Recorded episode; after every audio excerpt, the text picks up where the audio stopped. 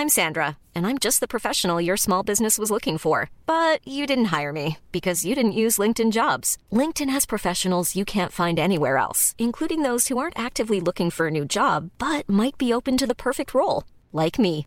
In a given month, over 70% of LinkedIn users don't visit other leading job sites. So if you're not looking on LinkedIn, you'll miss out on great candidates like Sandra. Start hiring professionals like a professional. Post your free job on linkedin.com/people today. Quality sleep is essential. That's why the Sleep Number Smart Bed is designed for your ever evolving sleep needs. Need a bed that's firmer or softer on either side? Helps you sleep at a comfortable temperature? Sleep Number Smart Beds let you individualize your comfort so you sleep better together. JD Power ranks Sleep Number number 1 in customer satisfaction with mattresses purchased in-store. And now save 40% on the Sleep Number limited edition Smart Bed for a limited time. For JD Power 2023 award information, visit jdpower.com/awards. Only at Sleep Number stores or sleepnumber.com.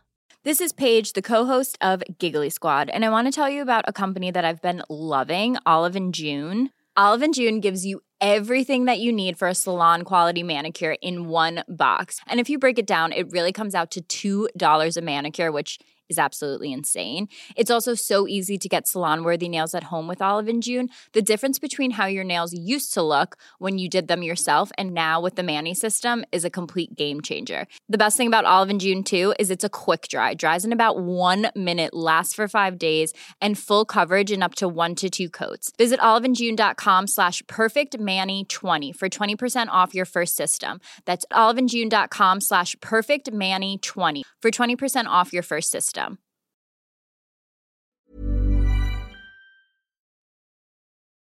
Så fixade hon hälsan i Södertälje kommun.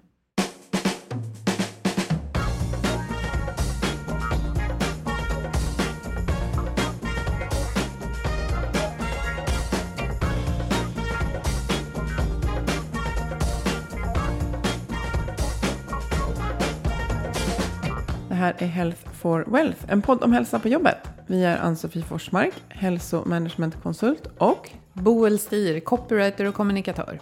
Vårt motto är att hälsa och lönsamhet hör ihop om man satsar långsiktigt och hållbart. Men hur gör man för att lyckas? Det tar vi reda på i den här podden. ja, och eh, jag skulle vilja påstå att alla bor i en kommun.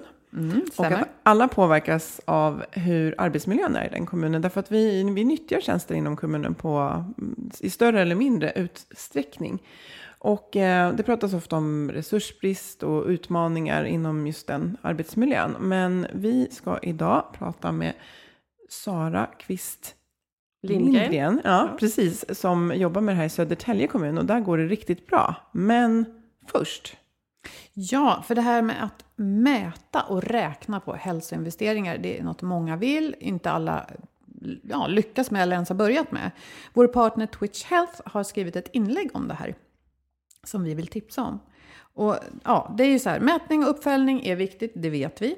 Eh, det är lätt att säga att hälsa är bra, men det är bra om man kan bevisa det också. Och här har Twitch då ett blogginlägg som ger lite tips om man vill räkna på hälsa.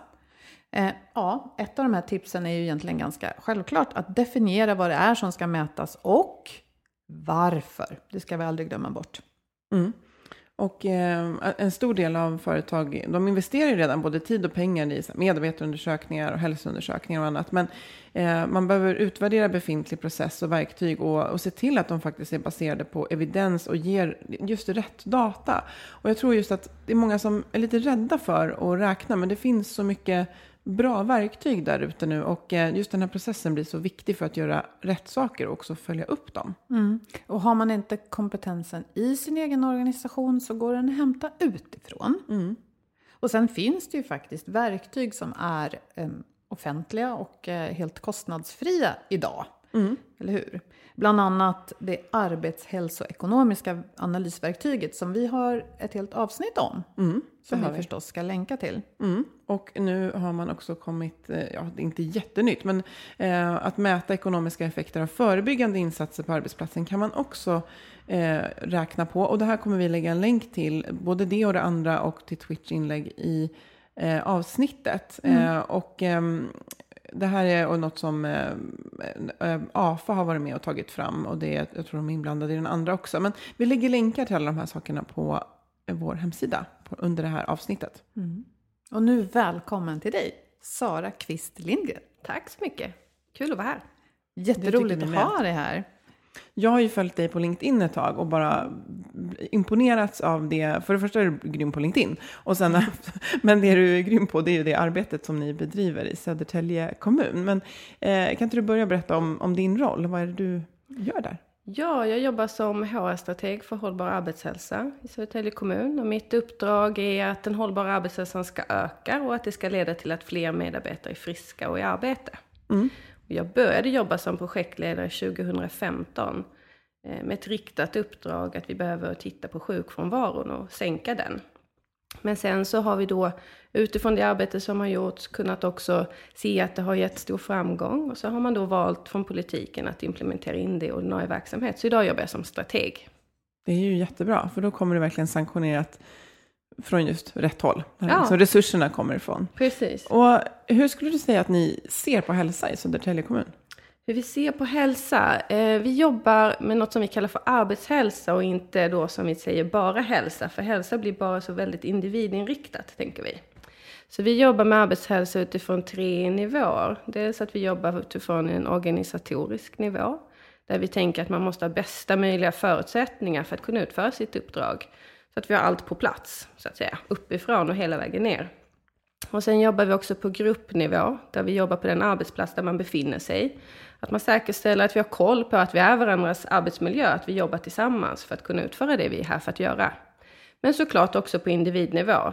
Man måste säkerställa att när jag kommer till jobbet så vet jag att jag mår gott, att jag är återhämtat mig, vilat inför ett nytt pass ätit okej, okay, tränat, alla de här sakerna. Men det är ju också ett eget ansvar. Men om det någonstans är så att jag behöver stöd och hjälp i det, ja, då ska ju vi finnas där som arbetsgivare. Så det är de här tre nivåerna som vi jobbar mm. utifrån. Mm. Och har du jobbat med det här i just Södertälje sedan 2015? Ja, precis. Och vad kan vi säga om resultatet? Bara kortfattat.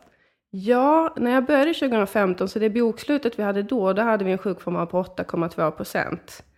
Och det var utifrån det som man också sa från politiken att här behöver vi satsa och vi behöver jobba långsiktigt och strategiskt och hållbart över lång tid. Så det var det som gjorde att man startade ett treårigt projekt. Sen så ser vi ju nu utifrån de insatser vi har jobbat kring att vi har lyckats vända trenden som vi så fint har sagt. Mm. Samtidigt som vi ser att nej, men det är på väg hela tiden.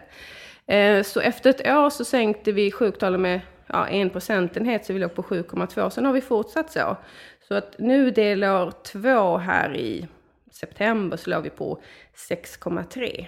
Senaste siffrorna 6,2, så vi fortsätter. Mm.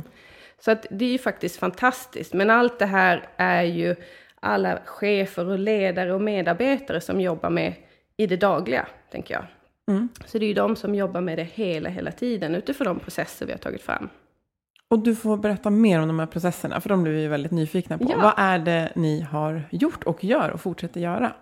Ja, um, ja, alltså dels är det ju så att när jag började jobba så var det ju att vi la en ny plattform, eller vad man ska säga. Vi såg över eh, alla våra policydokument och så. Vi gjorde en ny arbetsmiljöpolicy.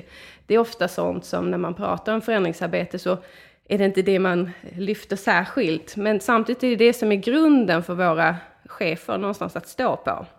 Det är det här vi jobbar utifrån och att man vet någonstans vad förväntar sig mig på jobbet. Så det var ett stort arbete att också gå igenom allt som vi skriver på vårt intranät kring vad är hälsa och ohälsa och hur formulerar vi oss kring det. Så den plattan la vi liksom tidigt. Men sen har vi gjort några genomgripande eh, förändringar och den största är väl i vår arbetslivsinriktade rehabiliteringsprocess som vi kallar för aktiv sjukskrivning. Och där har vi lagt om hela tillvägagångssättet från att man ringer och sjukanmäler sig. Alltså att vi jobbar från dag ett när någon är sjuk.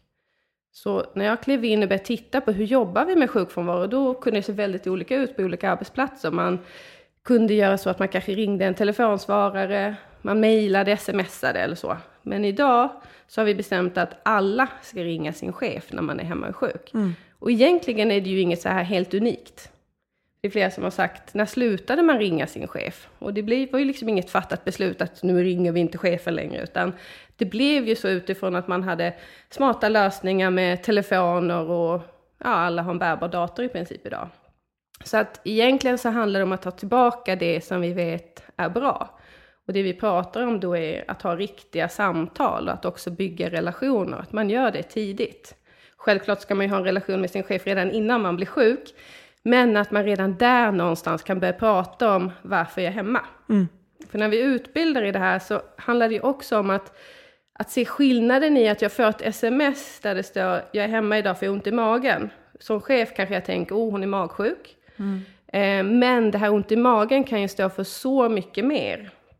Det kan ju handla om att jag skulle hålla i någonting på jobbet som gjorde mig stressad och nervös. Mm. Eller vi ska ha ett möte på jobbet där jag känner att jag inte blir lyssnad på. Som gör att jag blir orolig.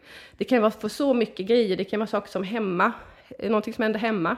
Som gör att jag mår dåligt. Mm. För när, man, när man då gör det här till ett personligt samtal så finns det eh, inte bara möjlighet utan då antar jag att chefen också ska ställa lite följdfrågor. Absolut, och det har vi utbildning för nu. Och sen så har vi då en, en hel process där vi utbildar ifrån dag ett men framåt om det är så att personen skulle vara sjuk under en längre period.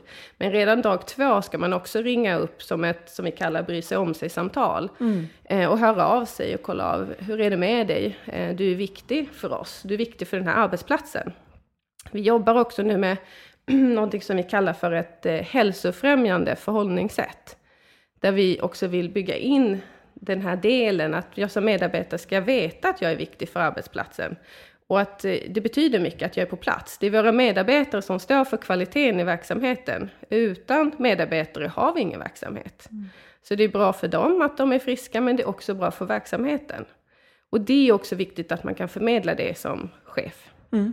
Jag tänker det här, eh, det, nu, det är fokus på ledarskapet och man pratar ofta om att chefer har ont om tid ofta. Och eh, hur, hur jobbar ni med att stötta cheferna så de känner att de har tiden för de här bitarna? För det är ändå en, en nyckelfaktor. Absolut, och dels är det ju så att vi kan se i våra verksamheter så har vi några chefer fortfarande som har för många medarbetare per chef. Eh, och det finns också ett riktat mål i vår mål och budget där vi nu jobbar med att ha ett mer rimligt antal medarbetare per chef som det är skrivet som ett beslut. Eh, så det är klart att det handlar också om att kunna hantera sin dag. Eh, men sen är det ju så att vi ändå någonstans eh, jobbar med att ge stöd i form av utbildning och liknande. Mm. Så att om jag som chef är lite osäker på hur jag ska föra de här samtalen och inte tycker att det räcker med diverse policies, då kan jag ringa någon på kommunen och fråga. Absolut, vi har ju ett helt eh, HR-gäng eh, med specialister som jobbar med också chefstöd till våra chefer. Jag är lite nyfiken på det här du sa, ett rimligt antal medarbetare. Hur många är det? Ja, det är en spännande fråga. Eh, det har man inte satt eh, någon siffra på i Södertälje kommun. Eh, man har ju fattat beslut i flera olika kommuner kring hur många det skulle kunna vara. Och jag vet att man också i några privata företag har satt en, en exakt siffra. Där är inte vi idag. Men däremot så är det nytt från det här budgetåret att vi har att vi ser över det. Att mm. ni tittar på det. Mm. Mm. Nu gav du, det första exemplet var just vad som händer när man har blivit sjuk. Men du pratar ja. också om det här hälsofrämjande förhållningssättet. Ja. Eh, och då beskrev du det utifrån ett medarbetarperspektiv. Men jag gissar att det också innefattar hur cheferna jobbar. Men hur, för det är ju det proaktiva kan man säga. Att det låter som, det är ju innan ett problem har uppstått. Hur, ja. Hur jobbar man med det i det dagliga, liksom, dagliga jobbet? Och... Innan det uppstår ja. ohälsa så att säga. Ja. ja, alltså dels har vi flera olika delar där vi eh, jobbar eh, på olika sätt. Eh, jag har varit runt på kanske 80 arbetsplatser och haft workshops kring just hur ska det vara när det är som bäst på arbetsplatsen. Så dels är det ju någonstans att fånga upp eh, igen det här som vi pratar om att vi är varandras arbetsmiljö och jag behöver vara med och bidra i det. Det är ingen annan som kan fixa min arbetsmiljö om jag har de bästa möjliga organisatoriska förutsättningarna på plats vill säga. Mm.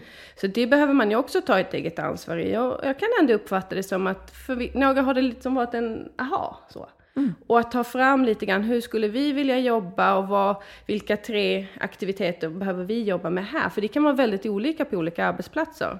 Sen kan jag se att det på många ställen kan vara lite samma, lika. Om jag kommer ut till flera förskolor kanske man har eh, ungefär samma typ av tankar. Och då blir det ju också någonting för mig att lyfta upp och diskutera, behöver vi se över det här? Varför har man inte de här förutsättningarna då? Mm. För då blir Men- du som, förlåt, men då blir du som en koppling, jag tänker på organisatoriska förutsättningar för att klargöra, det är ju just att eh, det är sånt som vi behöver få utifrån, jag säger inte Ja. uppifrån, men vi får utifrån in till arbetsplatsen. Och det kan ju, en sån är ju hur många eh, medarbetare en chef ska ha till exempel, men också hur många pedagoger får finnas, alltså sådana saker. Och sen får vi förhålla oss till dem. Och då blir ju din roll så viktig att kunna fånga upp att oj, nu har jättemånga förskolor lyft det här som en utmaning och då ta med det. Precis, så min roll är ju att lyfta till chefer ovanför, men också politiken kring vad är det man pratar om. Och det är ju en, en jätteviktig länk så att man vet vad som faktiskt händer ute på arbetsplatserna. Så att jag tänker en del är ju det att ha varit ute och lyssnat in och det har jag också tagit med mig sen in i det liksom, strategiska arbetet. Vad behöver vi satsa på? Eh, och tittar man då rent konkret så har vi ju börjat eh, använda något som vi kallar som träna som arbetsuppgift. Som är att jobba förebyggande hälsofrämjande. Där man ute på arbetsplatserna har ett, ett typ av träningspass som är 11 till 14 minuter varje dag. För att öka hälsan. Och det är utifrån forskning som visar att om man avsätter en timmes träna på arbetstid så kan man sänka sjuktal med upp till 25 procent. Så det var något som vi valde att testa eh, under ett halvår och det fall väl ut. Eh, det var jättespännande. Vi var på två, ett äldreboende och två förskolor. Eh, och det som var mest häftigt, eh, det var svårt att på ett halvår se liksom någonting statistiskt så. Men vi hade medarbetare som var ganska stela i axlarna, som hade svårt att liksom bara höja på axlarna i de här rörelserna som sa det här kan inte vara bra för mig, det gör så ont. Medan så försökte peppa så här, men testa lite till. Det kommer vara bra för det är långsiktigt. Som sen ett halvår senare kunde komma och ha händerna ovanför huvudet och säga så här, kolla vad jag kan. Så att någonstans eh, så handlar det ju också om att kunna vara rustad för de arbetspass som vi också är här för att göra.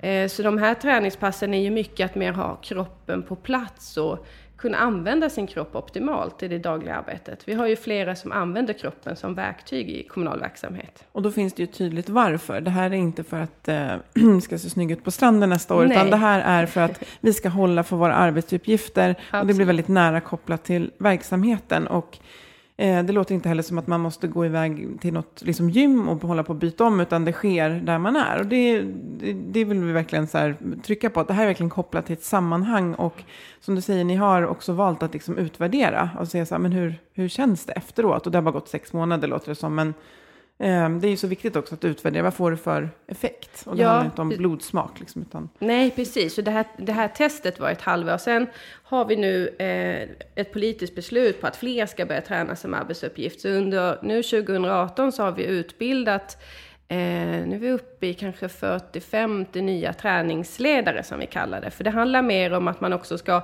känna sig ja, men pepp och modig att stå inför sina kollegor och hålla i det här träningspasset. Sen är det ett sånt här klassiskt, liksom, det är musik och det är en speaker och det finns en affisch. Så att eh, man vet vad som förväntas av en. Men det är ändå någon som måste vara igångsättare. Och man är det på arbetsplatsen.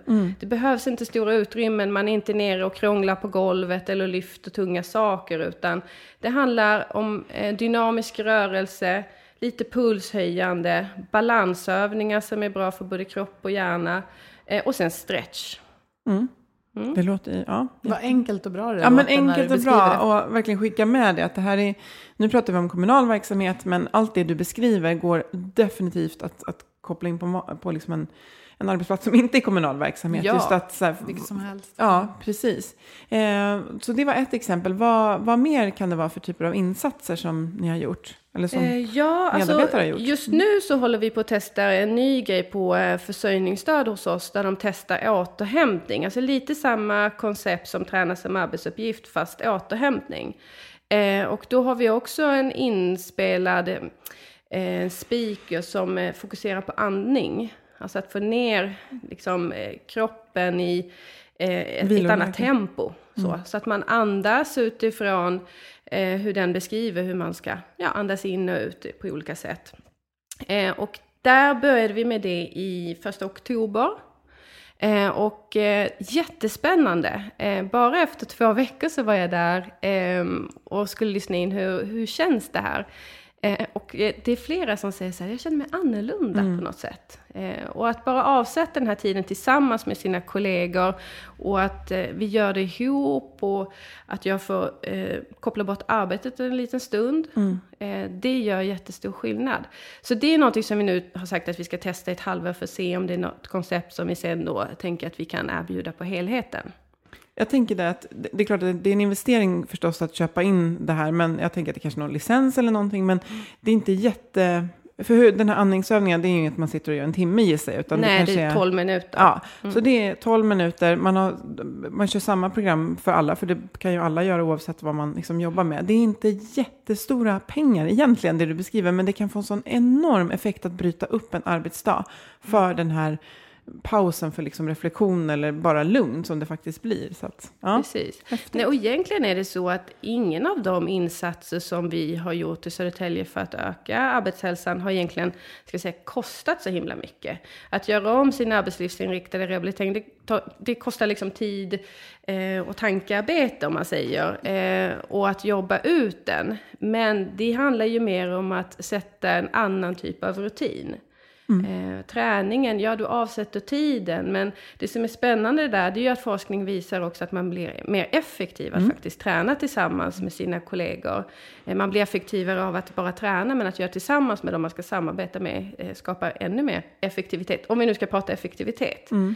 Eh, och det var intressant för det ställde vi som en följdfråga i den enkäten som vi då gjorde för att följa upp. Eh, och då var det fler som upplevde att man hann det man skulle hinna, även om man tog tid mm. för att kliva iväg från mm. brukare och elever och så. Så att, eh, ja det finns mycket man kan göra, tänker jag. Jag tänker i typisk kommunal verksamhet, är det inte svårt att många samtidigt kan just lämna arbetet och få den här kvarten? För det är alltid någon som behöver vara på plats i verksamheten. Precis. Eh, och då behöver man vara klurig och inte göra det så svårt. Utan mer tänka ut så här, hur ska vi kunna se till så att eh, vi kan göra det här. Så att på äldreboendet så tränar man fem gånger per dag. Fast alla är ju inte med alla fem gånger. Utan man har på morgonen, vid fikat där vid tio, och sen vid lunch och sen efter lunch och sen så innan natten.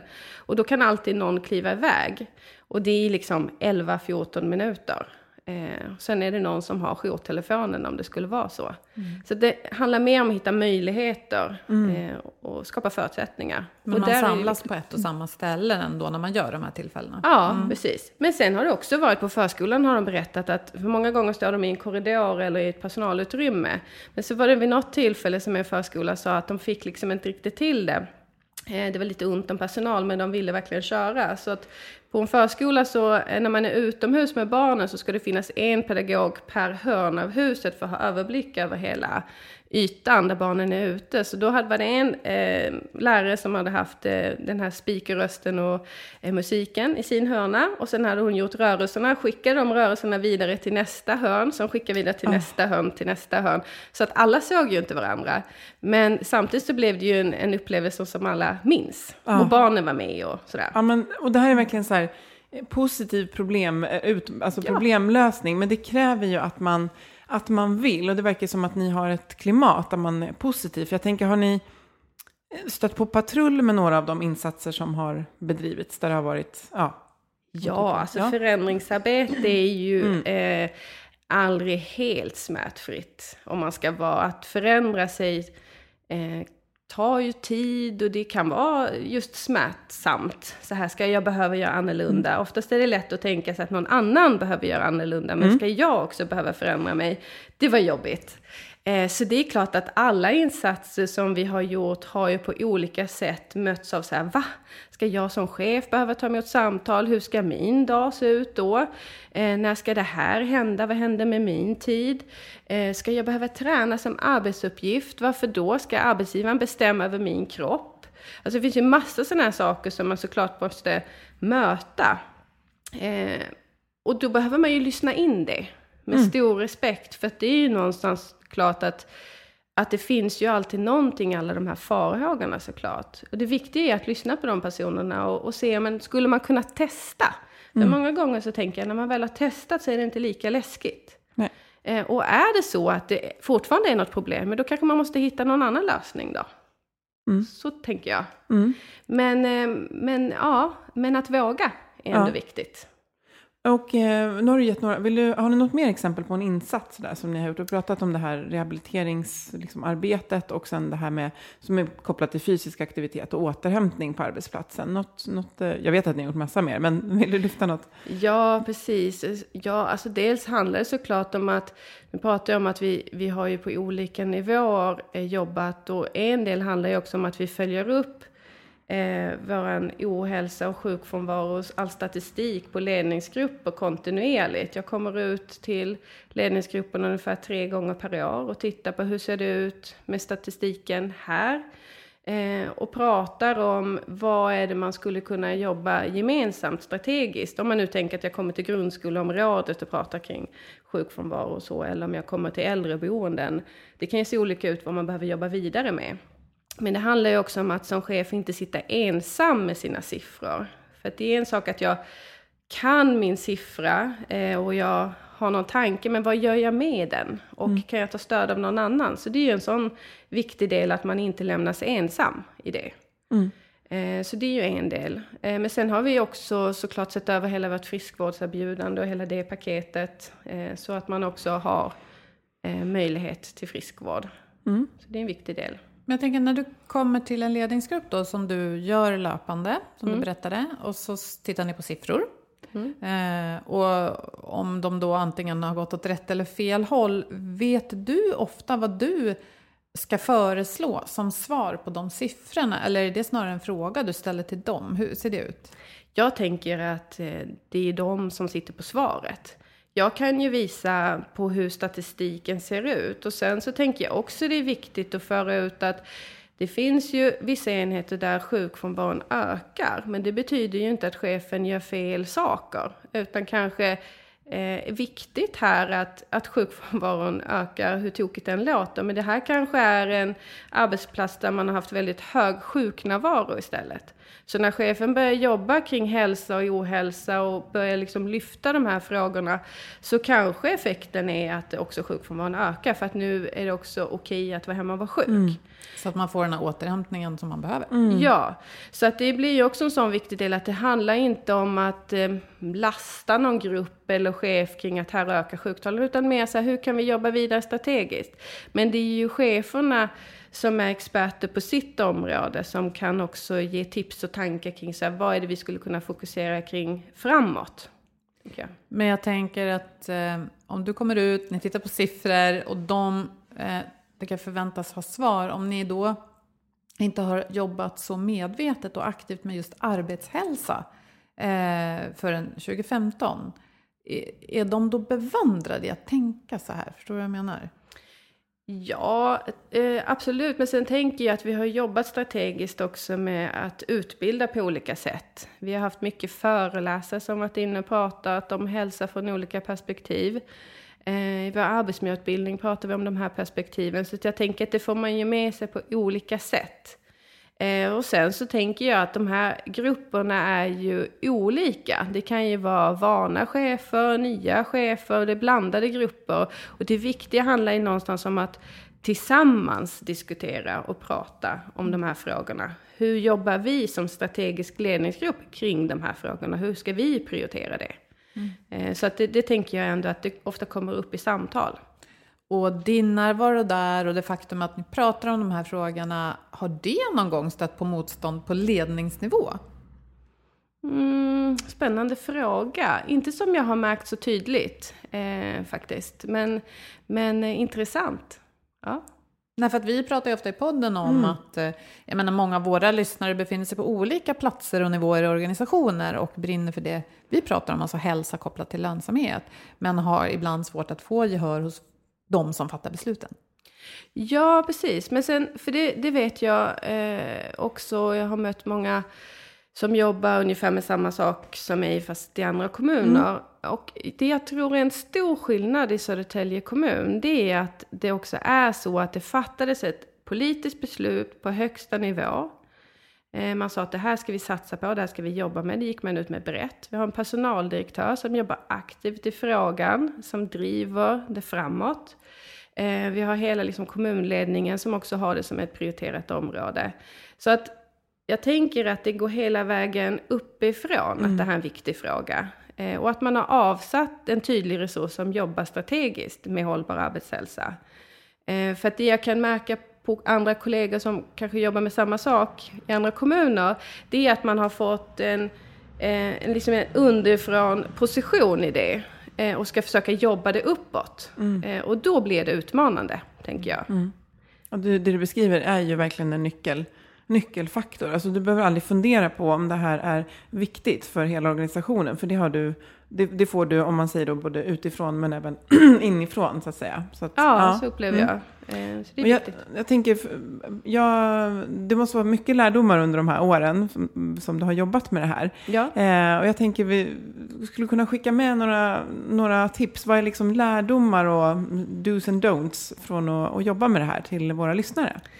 Ja, det finns ju egentligen massor, men jag tänker just eh, det första handlar såklart om att säkerställa att man har fattat ett beslut om att det här ska vi jobba med och det här är prioriterat. Om man har det på plats så tänker jag att man har en bra grund att stå på. Här finns det, ledningen är med oss, bara den delen. Eh, sen så är det någonstans så att jag tänker att när man ska jobba med förändringsarbete och öka arbetshälsa så behöver man ta reda på vad är vi riktigt, riktigt bra på i den här organisationen. Fortsätta göra mer av det. Det kan låta lite eh, enkelt fast också svårt att ta reda på vad är vi bra på. Eh, men jag tänker att inte ibland göra det så krångligt utan faktiskt göra mer av det man är bra på och säkra upp det för det ger också ringar på vattnet. Och när man ändå håller på att ta reda på vad är vi bra på, då brukar man också hitta saker som man är lite mindre bra på. Och då är den viktigaste nyckeln här, det är att sluta göra det. För att av någon anledning så är det så att vi som människor och organisationer, vi fortsätter göra saker som vi vet inte funkar. För att vi är vana vid att göra det. Eh, och det är enkelt att fortsätta göra det vi kan, även om vi ser att det här är inte bra för någon. Så en av de svåraste sakerna är faktiskt att sluta göra mer av samma. Men det vill jag verkligen skicka med att gör inte mer av samma bara för att man är van vid det. Utan istället våga göra någonting annat. Testa någonting helt nytt. Ibland den motsatta tanken till det som vi faktiskt gör idag. Bara testa någonting nytt, se vad som händer.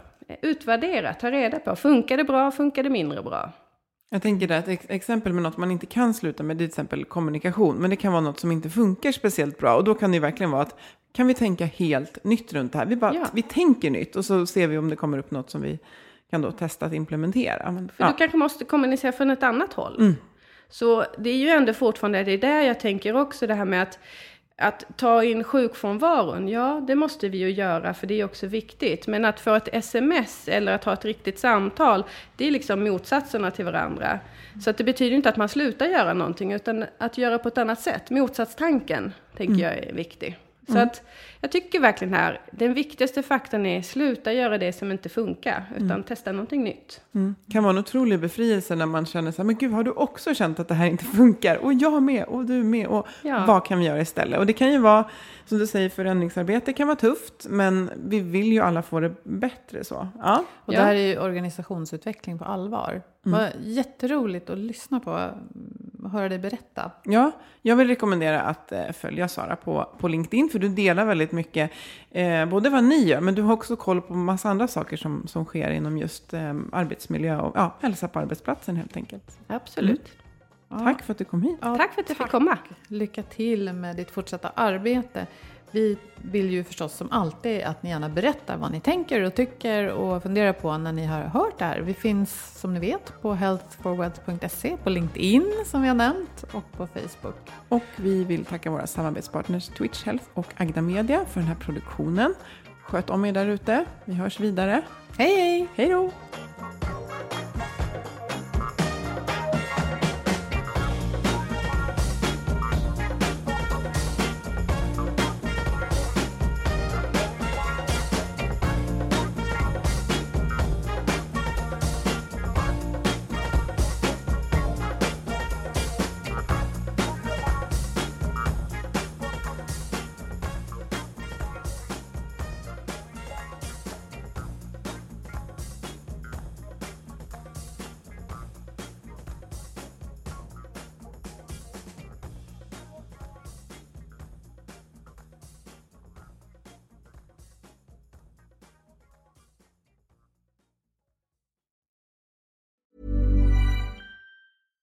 Deserves the best, and there's no better place to shop for Mother's Day than Whole Foods Market. They're your destination for unbeatable savings, from premium gifts to show-stopping flowers and irresistible desserts. Start by saving 33% with Prime on all body care and candles. Then get a 15-stem bunch of tulips for just $9.99 each with Prime. Round out Mom's menu with festive rosé, irresistible berry chantilly cake, and more special treats. Come celebrate Mother's Day at Whole Foods Market.